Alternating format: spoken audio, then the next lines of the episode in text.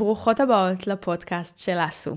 Live Active, Stay Unique. גוף ונפש, הכל על אימונים ותזונה, אבל גם על איך הם משפיעים על הנפש, החשיבה, מצב הרוח והבריאות הנפשית שלנו. אני יוב, ובכל שבוע אארח כאן לשיחה מעניינת, מעשירה, מעצימה ומלמדת, אורח או אורחת שישתפו אותנו בתחום ההתמחות שלהם. ברשימת האורחים יש לנו אנשי מקצוע מכל התחומים הרלוונטיים, וגם אנשים שישתפו אותנו בחוויה האישית שלהם. והכל סביב גוף ונפש. את השיחות שתשמעו כאן לא תשמעו בשום מקום אחר. הצלחנו לקבל גישה לאנשים הכי משמעותיים ומעניינים בתחומים הרלוונטיים, ואני מתרגשת בשבילכן ובשבילי. לפני שנתחיל, רציתי לשתף אתכן בסיפור האישי שלי, ומה שהוביל בסופו של דבר להקמה של אסו, כדי שתבינו למה הקשר בין גוף ונפש כל כך חשוב ועוצמתי מבחינתי. אז בלי עיכובים נוספים, זה הסיפור שלי.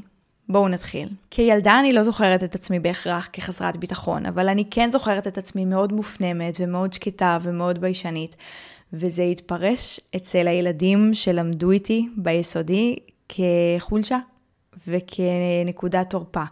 ואני הייתי טרף מאוד מאוד קל מבחינתם. ואני ממש זוכרת מכיתה א', מהרגע הראשון שדרכתי שם, שאני הייתי הטרף הכי קל בכיתה, ועברתי שש שנים מאוד קשות ומאוד מאתגרות, וזה מה שהוביל אותי להגיע לאיזשהו מצב באמת שאני רק רוצה שיעזבו אותי בשקט. זאת אומרת, אחרי כל כך הרבה שנים שצחקו עליי והתעללו בי והרביצו לי והציקו לי, רק רציתי שיעזבו אותי בשקט ורק רציתי שאף אחד לא ישים לב אליי. ואני ממש זוכרת את עצמי אמ, מייחסת ימים טובים, זאת אומרת, מבחינתי יום טוב היה יום שבו אף אחד לא התייחס אליי. יום שבו אנשים התעסקו בעניינים שלהם או במישהו אחר והציקו למישהו אחר, ואף אחד לא שם לב אליי. זה היה יום טוב מבחינתי, זה היה יום מוצלח מבחינתי, ולאט לאט זה התחיל להיות מה שייחלתי אליו. רק רציתי שאף אחד לא יראה אותי ואף אחד לא ישים לב אליי, וזה ממש... אה, אני, אני ממש זוכרת שכל האישיות שלי התעצבה סביב זה. אני זוכרת שהגעתי לחטיבה עם, עם חלק מהאנשים שלמדו איתי, אבל בעיקר לא, כשאני אומרת לעצמי, רק שאף אחד לא ישים לב אלייך. זאת המטרה שלך. המטרה שלך היא לא לבלוט, והמטרה שלך היא לא למצוא מלא חברים, המטרה היא שאף אחד לא ישים לב אלייך, וכל האופי שלי וכל האישיות שלי וכל מי שאני ממש יתעצב סביב זה. רק שאף אחד לא ישים לב אליי, זאת המטרה היחידה שיש לי בחיים. ו... וזה יתבטא בכל מיני דברים, הכי, מהדברים הכי הכי קטנים, כמו לשבת תמיד מאחורה ובצד בכיתה, כדי שאף אחד לא יוכל להסתכל עליי ורק אני אוכל להסתכל על אנשים אחרים בכיתה. אמ, וזה עבר גם ל... להגיע בשבע בבוקר לכיתה, כדי להיות שם ראשונה, רק כדי שאני לא אצטרך להיכנס כשכבר יושבים שם אנשים והם יסתכלו עליי, או שאני אצטרך להגיד להם שלום. וממש הייתי מגיעה ראשונה, ולאט לאט אני ממש זוכרת איך אני מתחילה לפחד מאנשים, ואיך אני מתחילה לפחד כשמישהו פונה אליי, ואני ממש מתכווצת כשאנשים פונים אליי, במיוחד בקבוצות גדולות. אני אפילו לא מדברת על נגיד להצביע בכיתה ולדבר מול הכיתה. אה, זה, זה ממש היה אפילו ברמת הלשבת בהפסקה, ושמישהו צועק לי משהו מרחוק, ואני צריכה... לדבר קצת יותר בקול, ואנשים יסתכלו עליי, ואנשים ישמעו מה אני אומרת, ואני ממש זוכרת את עצמי חרדה לזה שאנשים בכלל ישימו לב אליי, וממש ממש התפתחה אצלי חרדה חברתית מתוך זה. וממש פחדתי לדבר עם בני אדם, ממש פחדתי מבני אדם, ולא רציתי לדבר עם אף אחד אף פעם באף סיטואציה, בין אם זה אנשים שלמדו איתי, ובין אם זה מורים, ובין אם זה אה, נותני שירות, ובין אם זה אנשים ברחוב. פשוט לא רציתי שיפנו אליי, וזאת הייתה כל המטרה שלי. ו... והכל התעצב באמת סביב זה. רציתי וניסיתי להיות הכי קטנה והכי נעלמת והכי חסרת חשיבות שאפשר. וכשאת מבלה את החיים שלך במטרה להיות חסרת חשיבות, הביטחון העצמי שלך נפגע.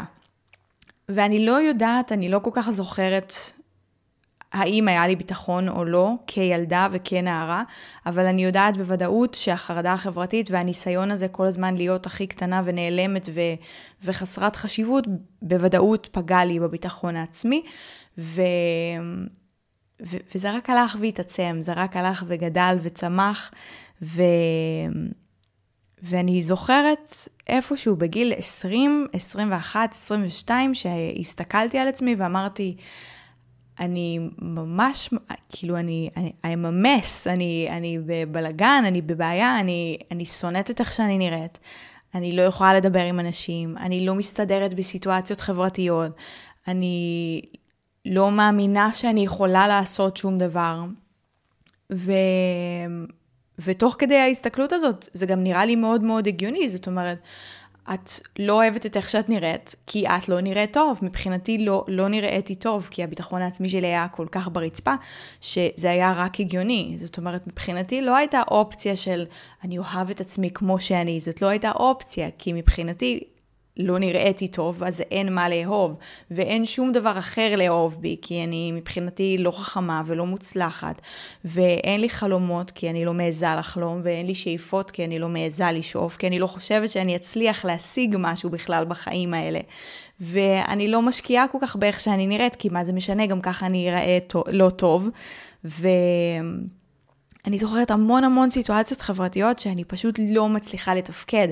ואני זוכרת אה, שהייתי עם הבן זוג שלי בעל האש, שהם עשו עם החבורה בצבא, וישבו שם, ישבו שם כולם ודיברו וצחקו, וחלק הכירו לפני וחלק לא, ואני ישבתי במשך שלוש-ארבע שעות ולא הוצאתי מילה מהפה. לא כן, לא לא, לא שלום, לא חצי חיוך. לא הצלחתי במשך ארבע שעות להוציא מילה מהפה מרוב חרדה חברתית. אה, ואני זוכרת שחזרנו הביתה והתחלתי לבכות באוטו, ולא הבנתי מה יש לי, לא הבנתי למה אנשים אחרים יכולים לתפקד בסיטואציות חברתיות, ורק אני לא. ו... וזה המצב שהייתי בו בגיל 21-22, ובתוך כל השנאה העצמית הזאת, המאוד מאוד קשה, באמת זה כל מה שדיברנו עליו עכשיו וכל ה, מה שסיפרתי עכשיו זה, זה על קצה המזלג, אבל זה שנים על גבי שנים של להסתכל במראה ולשנוא את כל מה שאת רואה, וזה, וזה, כשאני אומרת הכל, אני מתכוונת להכל. זה, זה השיער, וזה האף, וזה העיניים, וזה השיניים, וזה איך שאני נשמעת, ואיך שאני מדברת, ואיך שאני עומדת, ואיך שאני הולכת, ואיך שאני מתנהלת. אני, זה שנים על גבי שנים של שנאה עמוקה. אה, שאני לא חושבת שאפשר לשנוא ככה מישהו אחר, אני לא חושבת שיש שנאה כל כך עמוקה שיכולה להיות מופנית למישהו אחר, לאדם אחר, למישהו חיצוני. אני חושבת שהשנאה העצמית היא הדבר הכי עוצמתי שאפשר לחוות, וזה באמת שנים על גבי שנים, ובתוך כל השנאה הזאת, אה, הייתה סיטואציה אחת שמישהי שאלה אותי, בתמימות, באמת, ולא הייתה לה שום כוונה רעה, וזה לא היה מתוך, אה, היא לא התכוונה לצחוק עליי והיא לא התכוונה להעליב אותי, אבל היא שאלה אם השמנתי. ואני גם ככה כל כך שנאתי את עצמי, ש... שמאוד מאוד נעלבתי, מאוד נפגעתי ברמות, נפגעתי ברמה הכי עמוקה שיש, כל כך נעלבתי, כי, כי א', אם היא שאלה אם השמנתי זה אומר שאני ששמים לב לזה, שאם היא שמה לב לזה, אז אולי עוד אנשים שמים לב לזה, ואולי אנשים מדברים עליהם מאחורי הגב, זה ממש הפך לפסטיבל שנאה עצמית בראש, ובכיתי יומיים. ממש לא הצלחתי להפסיק לבכות, גם ככה הייתי במקום כל כך נמוך וכל כך קשה, וממש בכיתי יומיים. אני זוכרת שבמשך יומיים, כל פעם שה... השאלה הזאת שלה קפצה לי לראש, עלו לי דמעות בעיניים ולא הצלחתי להפסיק לבכות. ו... ומבחינתי הפתרון אחרי יומיים היה, טוב, את חייבת להתאפס על עצמך, או שאת נרשמת לחדר כושר, או שאת נרשמת לחדר כושר. זה, אלו שתי האופציות היחיד, היחידות, את חייבת, אם השמנת אז את חייבת לטפל בזה.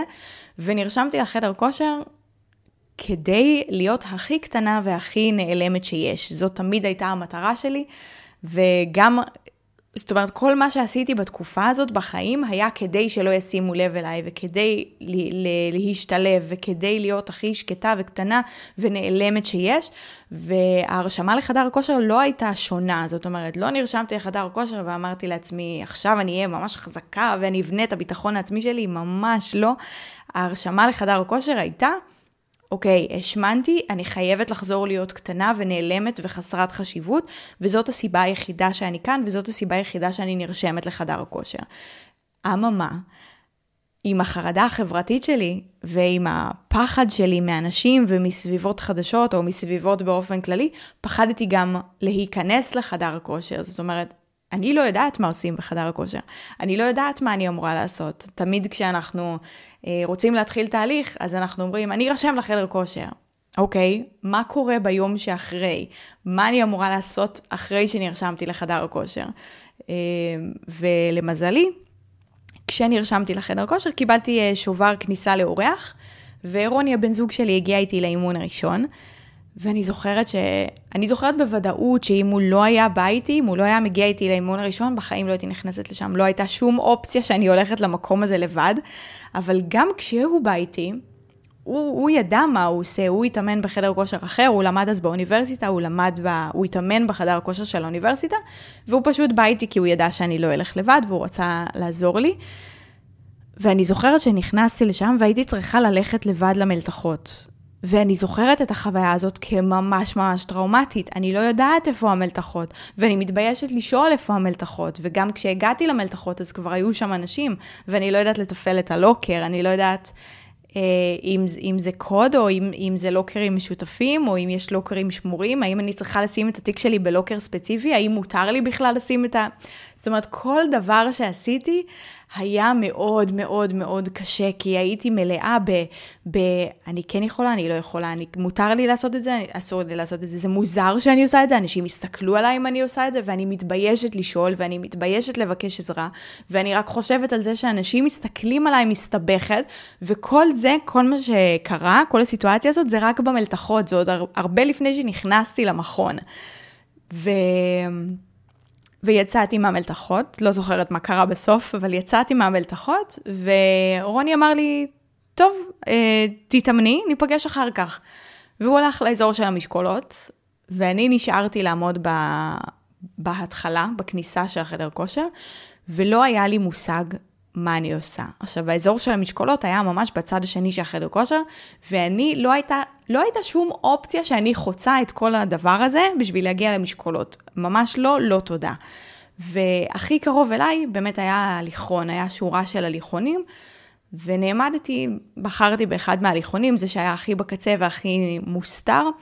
והליכון זה מאוד מאוד קל לתפעול, זה כפתור התחלה וכפתור סיום, ואני זוכרת שפשוט הלכתי על ההליכון, והסתכלתי על החדר כושר, וראיתי שיש שם המון אנשים, וכולם ידעו מה הם עושים, ו...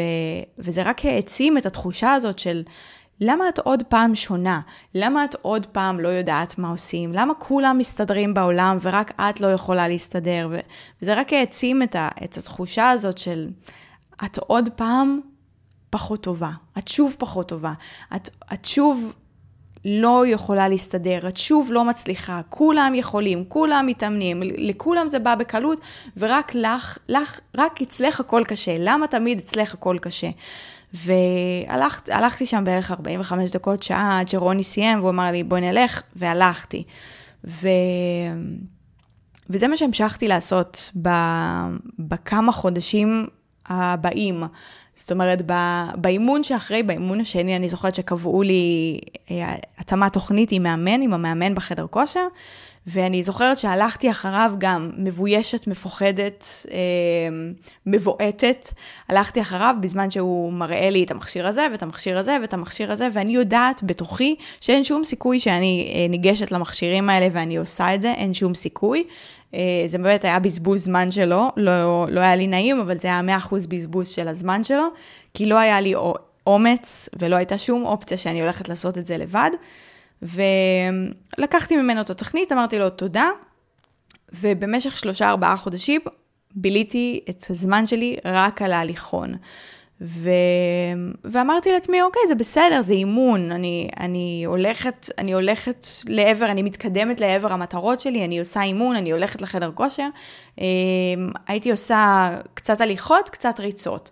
עכשיו, אני תמיד שנאתי לרוץ. תמיד שנאתי לרוץ, זה אף פעם לא היה לי כיף, לא בתיכון ולא בצבא ולא אחרי, תמיד שנאתי לרוץ, אבל כל כך כל כך פחדתי לעשות משהו אחר, שזה מה שעשיתי. אז גם שנאתי את החדר כושר, אבל יותר שנאתי את עצמי, יותר שנאתי את התחושה הזאת של אנשים חושבים שאת שמנה, ואנשים חושבים שהשמנת, ואנשים מדברים עלייך, ואנשים רואים שהשמנת, ואנשים שמים לב לזה, אז השנאה העצמית שלי גברה על השנאה שלי. אה, על השנאה שלי כלפי ריצה והליכה, והמשכתי ללכת, המשכתי ללכת ולרוץ במכון, ואני לא יודעת להסביר למה.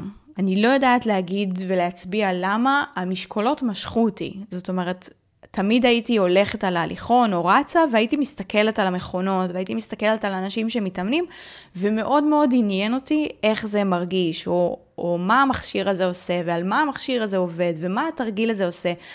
מה הקטע עם המשקולות? זה תמיד מאוד מאוד עניין אותי, אני אף פעם לא יודעת להסביר למה, אף פעם לא ידעתי להגיד, המשקולות משכו אותי כי ככה וככה, זה פשוט מה שהיה. ו... ולאט לאט, אבל באמת לאט לאט, אנחנו עכשיו, אני מספרת את זה ממש בקצרה, אבל זה באמת היה תהליך כל כך ארוך. אני, אני הייתי על הליכון בערך שישה, שבעה חודשים בלי להעז בכלל לחשוב על לעשות משהו אחר, אבל בערך אחרי שישה, שבעה חודשים, החלטתי כן לנסות את המשקולות ואת המכשירים. החלטתי כן לעשות את זה, אבל שוב, אין שום סיכוי שאני עושה את זה בשעות. המלאות והעמוסות, אז הייתי מתזמנת את האימונים שלי לשעות הריקות. אם זה אומר אה, להיות ראשונה שם, ממש ב-6 בבוקר לפני העבודה, אה, או, ב... או, או באמצע היום אם הייתי יכולה, אבל ממש הייתי מתזמנת את האימונים, של... את האימונים שלי לפי השעות הריקות, ואם הייתי מגיעה והמכון היה מלא, הייתי מסתובבת והולכת הביתה. זאת אומרת, זה לא היה משנה שתכננתי לעשות אימון, אם הייתי מגיעה ולא היה ריק לגמרי, הייתי הולכת. ובתקופה הזאת ממש ניסיתי, ניסיתי את, המח... ניסיתי את המכשירים וניסיתי את המשקולות וניסיתי כל מיני תרגילים שראיתי אצל אנשים אחרים ועשיתי המון טעויות ונפצעתי ו... ופצעתי את עצמי בכתף ונתפסתי יותר מדי כי עשיתי כל מיני תרגילים עם משקלים שאני לא אמורה לעשות ובאמת עשיתי הרבה הרבה שטויות בתקופה הזאת אבל ניסיתי. ובכל פעם כזאת, כל פעם שהעזתי ללכת לאזור המשקולות, לא ידעתי את זה אז, אני יודעת להגיד את זה בדיעבד, אבל כל פעם כזאת שממש העזתי לחצות את המכון ולהגיע לאזור המשקולות ולנסות איזה תרגיל שראיתי באינסטגרם, איזה אימון ששמרתי מהיוטיוב, כל פעם ניסיתי משהו קטן, ובכל פעם כזאת הביטחון שלי טיפה טיפה טיפה עלה. וזה שוב, זה תהליך כל כך ארוך. אני, אני זוכרת תקופה של בערך שנה, שנה וחצי, שאני רק מנסה דברים שראיתי באינסטגרם, וטועה ונפצעת ועושה שטויות ומבזבזת לעצמי את הזמן, אבל באמת אני זוכרת תקופה מאוד מאוד ארוכה, שכל פעם כזאת נתנה לי בוסט קטן לביטחון העצמי. וכל אימון כזה גרם לי לתחושה קצת יותר טובה. ולאט לאט אני זוכרת את עצמי פתאום מפסיקה לתזמן את האימונים שלי לפי השעות הריקות. אני זוכרת, אני ממש זוכרת את הפעם הראשונה שהגעתי למכון, הוא היה יחסית מלא ופשוט נכנסתי לאימון ולא היה אכפת לי. ו- ויצאתי משם ואמרתי לעצמי, איזה מוזר, איך, איך יכול להיות? ו- ופתאום העזתי לשאול שאלות, פתאום העזתי לבקש עזרה מהמדריך בחדר כושר, ופתאום העזתי להזיז את הספסל, ופתאום העזתי להסתבך עם אה, מכונה ולא להרגיש מבוישת ומפוחדת ברמות, וזה היה תהליך מאוד מאוד מאוד איטי, אבל אני כן זוכרת שהביטחון העצמי שלי נבנה לאט לאט לאט, והביטחון שצברתי בחדר כושר יצא איתי החוצה. הוא יצא איתי החוצה לחיים בחוץ, לחיים האמיתיים, והוא ממש לאט, לאט, לאט טיפל לי בחרדה החברתית שלי. ואני זוכרת פתאום סיטואציות חברתיות שאני מצליחה להוציא מילים, אני מצליחה לייצר מילים בסיטואציה. ואני זוכרת פתאום סיטואציות שאני יכולה לדבר עם המלצר או המלצרית במסעדה, כי אני לא מבועטת. ואני זוכרת פתאום סיטואציות שאני רוצה להצטלם, ואף פעם לא רציתי להצטלם, תמיד שנאתי את איך שאני נראית, אבל פתאום ראיתי איזה שינוי בגוף, ופתאום הרגשתי קצת יותר טוב עם עצמי, ופתאום אני רוצה להצטלם, ולאט לאט התחלתי לצלם את עצמי גם בחדר כושר, ולא שהייתה לזה, לא שהייתה לזה מטרה, זאת אומרת, זה היה הרבה לפני שהיה לי את הפלטפורמות שלי, הרבה לפני שהיה לי יוטיוב ואינסטגרם, אבל, אבל צילמתי את עצמי, וזה נתן לי משהו להתעסק בו, ו...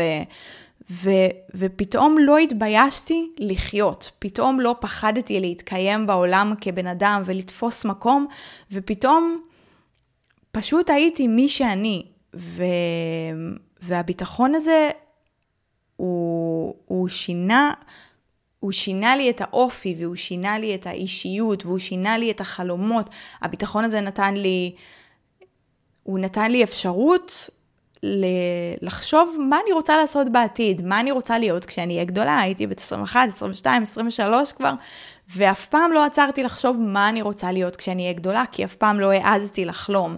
אבל לאט לאט הביטחון שלי עלה ונצבר, והעזתי לחלום, העזתי לחלום על, על עתיד ועל לימודים ועל מה אני רוצה להיות ומי אני רוצה להיות, ו... ובעזרת הביטחון הזה, התחלתי להעלות לאט לאט את, ה, את האימונים שלי לאינסטגרם. שוב, לא היה שם כלום, היו שם באמת בערך אה, 100 אנשים שלמדו איתי או שפגשתי בצבא, ולא הייתה לזה שום מטרה. ואני זוכרת ממש את הרגע שהבנתי שהביטחון העצמי שלי הוא קיים ואפשר לבנות עליו, וזה היה אחרי שהעליתי כמה סרטונים שלי מתאמנת, וכמה חברות שהיו לי אז, אה, היה להם מאוד חשוב להגיד לי שאני די יצורה, וזה קצת מוזר הסרטונים שאני מעלה, ואני זוכרת שלא היה אכפת לי, אני זוכרת שאמרתי לעצמי, זה מה שעושה לי טוב, וזה מה שאני אוהבת לעשות, אני אוהבת לצלם את עצמי, אני אוהבת להעלות את זה לאינסטגרם, גם אם אין לזה שום מטרה, ואני ממשיכה לעשות את זה, ואני זוכרת את הרגע הזה שהוא היה כאילו, הוא היה מכונן, כי, כי מהבן אדם הכי נעלם ו, ומתחבא שיש, הפכתי להיות הבן אדם הזה שעושה מה שהוא רוצה, למרות ש... בלי, ש... בלי שאכפת לו מה אנשים אחרים חושבים, וזה היה מטורף.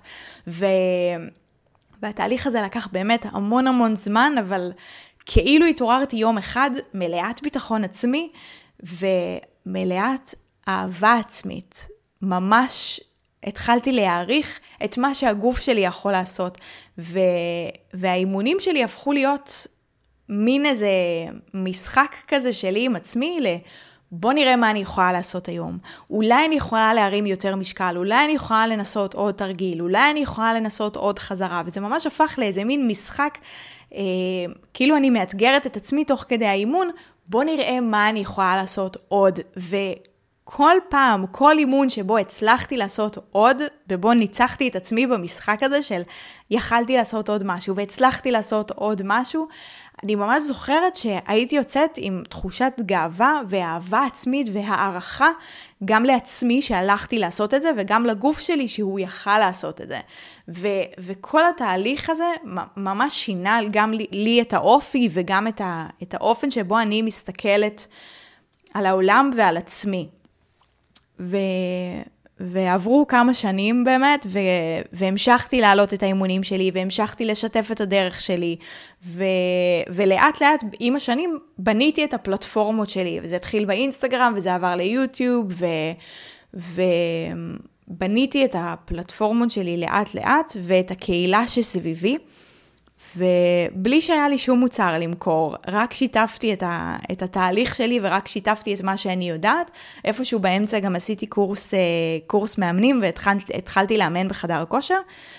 ואני זוכרת המון המון אינטראקציות, כמעט כל אינטראקציה שהייתה לי עם, עם בנות מהקהילה באינסטגרם וביוטיוב, כל אינטראקציה סבבה סביב הבעיה הזאת של אני לא מרגישה בנוח בחדר כושר ואני לא יודעת מה אני עושה.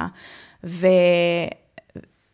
וזה אני, זה הכי אני שיש. זאת אומרת, גם אני הרגשתי כל כך לא בנוח בחדר הכושר, וגם אני ממש לא ידעתי מה אני עושה, וגם אני ביליתי שעות על גבי שעות במכון על הליכונים, או אה, פוצעת את עצמי בכל מיני אה, תרגילי, אה, תרגילים מומצאים.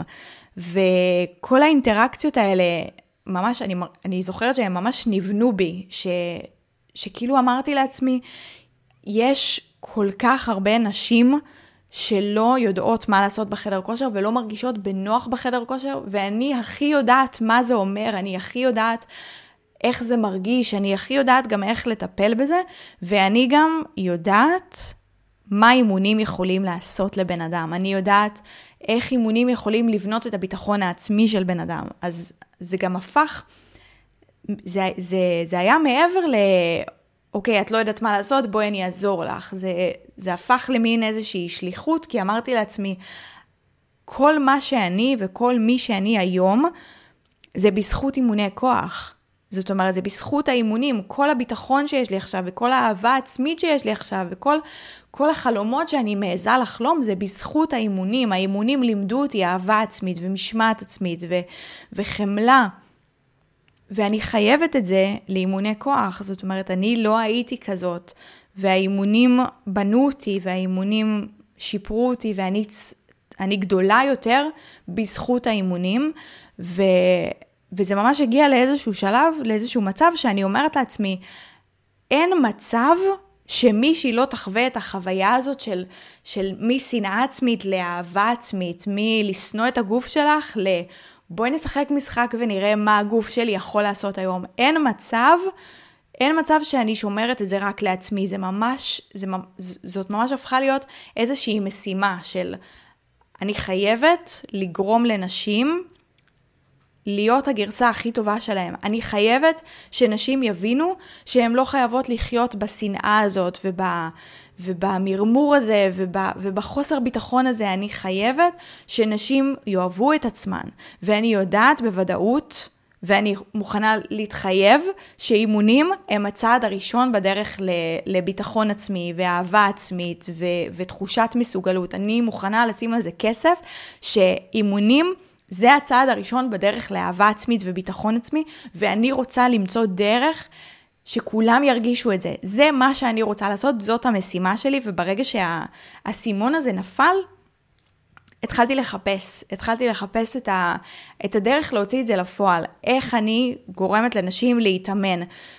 לא כדי להיות רזות, ולא כדי להיות קטנות, ולא כדי אה, לשרוף קלוריות, ולא כדי אה, להיראות כמו מישהי אחרת שהם ראו באינסטגרם, אלא כי אני יודעת שאם אני אצליח להביא לגרום לנשים להתאמן, להביא אישה לחדר כושר ולהדריך אותה שם, אני יודעת שהיא תצא מהצד השני חזקה יותר, טובה יותר, בטוחה יותר, עוצמתית יותר, אני יודעת את זה. וזה ממש הפך לאיזשהו מסע של איך אני עושה את זה, איך, מה יהיה, מה יהיה מספיק טוב. ובגלל הפלטפורמות שלי, אז נחשפתי להמון המון נשים מכל הארץ. זאת אומרת, אני אז גרתי בתל אביב, אני חושבת, ו... זה פשוט לא היה מספיק טוב, ואם הייתי פותחת סטודיו, הרגשתי שזה קטן מדי וזה מוגבל מדי, ו, ואני יכולה לדבר עם מישהי מירושלים ומאילת ומהצפון, והרגשתי שסטודיו במקום אחד זה קטן מדי, הרגשתי שהמשימה שלי חשובה יותר, הרגשתי שהמשימה שלי גדולה יותר ואני צריכה למצוא פתרון יותר רחב. ו, ובאמת מתוך זה נולד הרעיון של אפליקציה. כי אני יודעת מה זה להיכנס לחדר כושר ולחוות את, ה, את הפחד הזה של אני לא יודעת מה לעשות ואני לבד ואני מרגישה ממש ממש לא בנוח. ו, ובתור אה, אה, שורדת חרדה חברתית, אני יודעת שכשאנחנו מרגישות לא בנוח, הדבר הראשון והכי אינטואיטיבי לנו זה להסתכל בטלפון. ואני זוכרת שאמרתי לעצמי, איזה מטורף זה, אם, איזה מטורף זה יהיה. אם מישהי תרגיש לא בנוח, היא תסתכל בטלפון כי זה הדבר הכי קל והכי אינטואיטיבי לעשות, ואני אוכל להיות שם בשבילה. אני אוכל להיות שם איתה, ואני אוכל להדריך אותה מה לעשות, ואיך לעשות, וכמה לעשות, והיא תרגיש שאני ביחד איתה באימון הזה, גם אם אני לא פיזית איתה. אבל היא תרגיש שיש איתה מישהי. שמישהי מאמינה בה, ושמישהי דוחפת אותה, ושמישהי מדריכה אותה, גם אם זה לא פיזית. ובאמת מתוך זה נולד הרעיון של האפליקציה, וזה מה שעשינו. ו, וזאת המשימה של לאסו, זאת המשימה של, ה, של העסק הזה, ו, ובאמת הוא הלך וגדל ועבר המון המון אבולוציות, ו, ואנחנו איפה שאנחנו נמצאים היום, אבל המשימה תמיד הייתה בדיוק אותו דבר, והיא תמיד תהיה בדיוק אותו דבר. המשימה של אסו היא לגרום לנשים לעשות את הצעד הראשון הזה, ללוות אותם בהתחלה, ללוות אותם כשקשה, כי אני יודעת שכשהם יצאו בצד השני, כשנשים יצאו בצד השני, כשהם כבר יהיו בשגרת אימונים, וכשהם ידעו, ידעו לדחוף את עצמם, והם יוכלו לדחוף את עצמם, ויהיה להם את כל הכלים לעשות את זה, בלי להיפצע, ובלי להרגיש לבד, ובלי לבזבז את הזמן, ובלי לעשות שטויות, אני יודעת שהם יהיו טובות יותר, וזאת המשימה שלי. כל מה שאני עושה כאן, כל מה שאני עושה ביום-יום, כל מה שאני עושה בחיים, אני חייבת לאימוני כוח, והמשימה שלי תמיד הייתה ותמיד תהיה להעביר את זה הלאה. וזה הסיפור מאחורי לאסו, וזה הסיפור של לאסו, וזה תמיד יהיה הסיפור של לאסו, ו- ואני אני מרגישה באמת כל כך בת מזל. שזה מה שאני עושה ביום-יום, שזאת המשימה שלי, שמצאתי את המשימה שלי ואת הייעוד שלי, וזה מה שאני עושה, אני מרגישה שזה... אני, אני מגשימה את הייעוד שלי, אני זוכה להגשים את הייעוד שלי בכל יום, ו... וזה זה מטורף, זה מטורף וזה כל כך מרגש, זה כל כך מרגש כל פעם מחדש, ובכל פרויקט חדש שאנחנו יוצאים אליו, זה תמיד מה שיש לי מול העיניים, איך אני יכולה לעזור למישהי להיות חזקה יותר, בטוחה יותר וטובה יותר. איך אני יכולה לקחת מישהי שלא מרגישה טוב עם עצמה, ושהיא לא בטוחה בעצמה, ולהראות לה את כל מה שהיא מסוגלת אליו. כי, כי כשאנחנו במקום נמוך, וכשאנחנו במקום קשה, וכשאנחנו לא בטוחות בעצמנו, קשה לנו מאוד לראות את ה... היתרונות, את החוזקות שלנו, את מה אנחנו כן מסוגלות לעשות, את מה אנחנו, במה אנחנו כן טובות, ממש קשה לנו לראות את זה. אבל הצעד הראשון הוא לעשות דברים מתוך אהבה עצמית. אין בעיה לרצות לשנות, ואין בעיה לרצות לתקן, ואין בעיה לרצות להשתפר, אבל תמיד מתוך אהבה עצמית. ואני באמת מאמינה שאימונים, ואימוני כוח במיוחד, הם, הם הצעד הראשון לדבר הזה, וזה הסיפור שלי. וזה הסיפור של אסו. אני ממש ממש מעריכה את זה שהקשבתן לי ושאתן חלק מהדבר הזה. אני מתרגשת לצאת לדרך הזאת עם הפודקאסט הזה. יש לנו אנשי מקצוע מדהימים שהולכים להיות כאן, והולך להיות כל כך כל כך מעניין. באמת, הרשימת האורחים שלנו היא הדבר הכי מרגש שקראתי בזמן האחרון. אז אנחנו נתראה בשבוע הבא עם האורח או האורחת הראשונים שלנו. תודה שהייתם כאן. ונתראה בפרק הבא.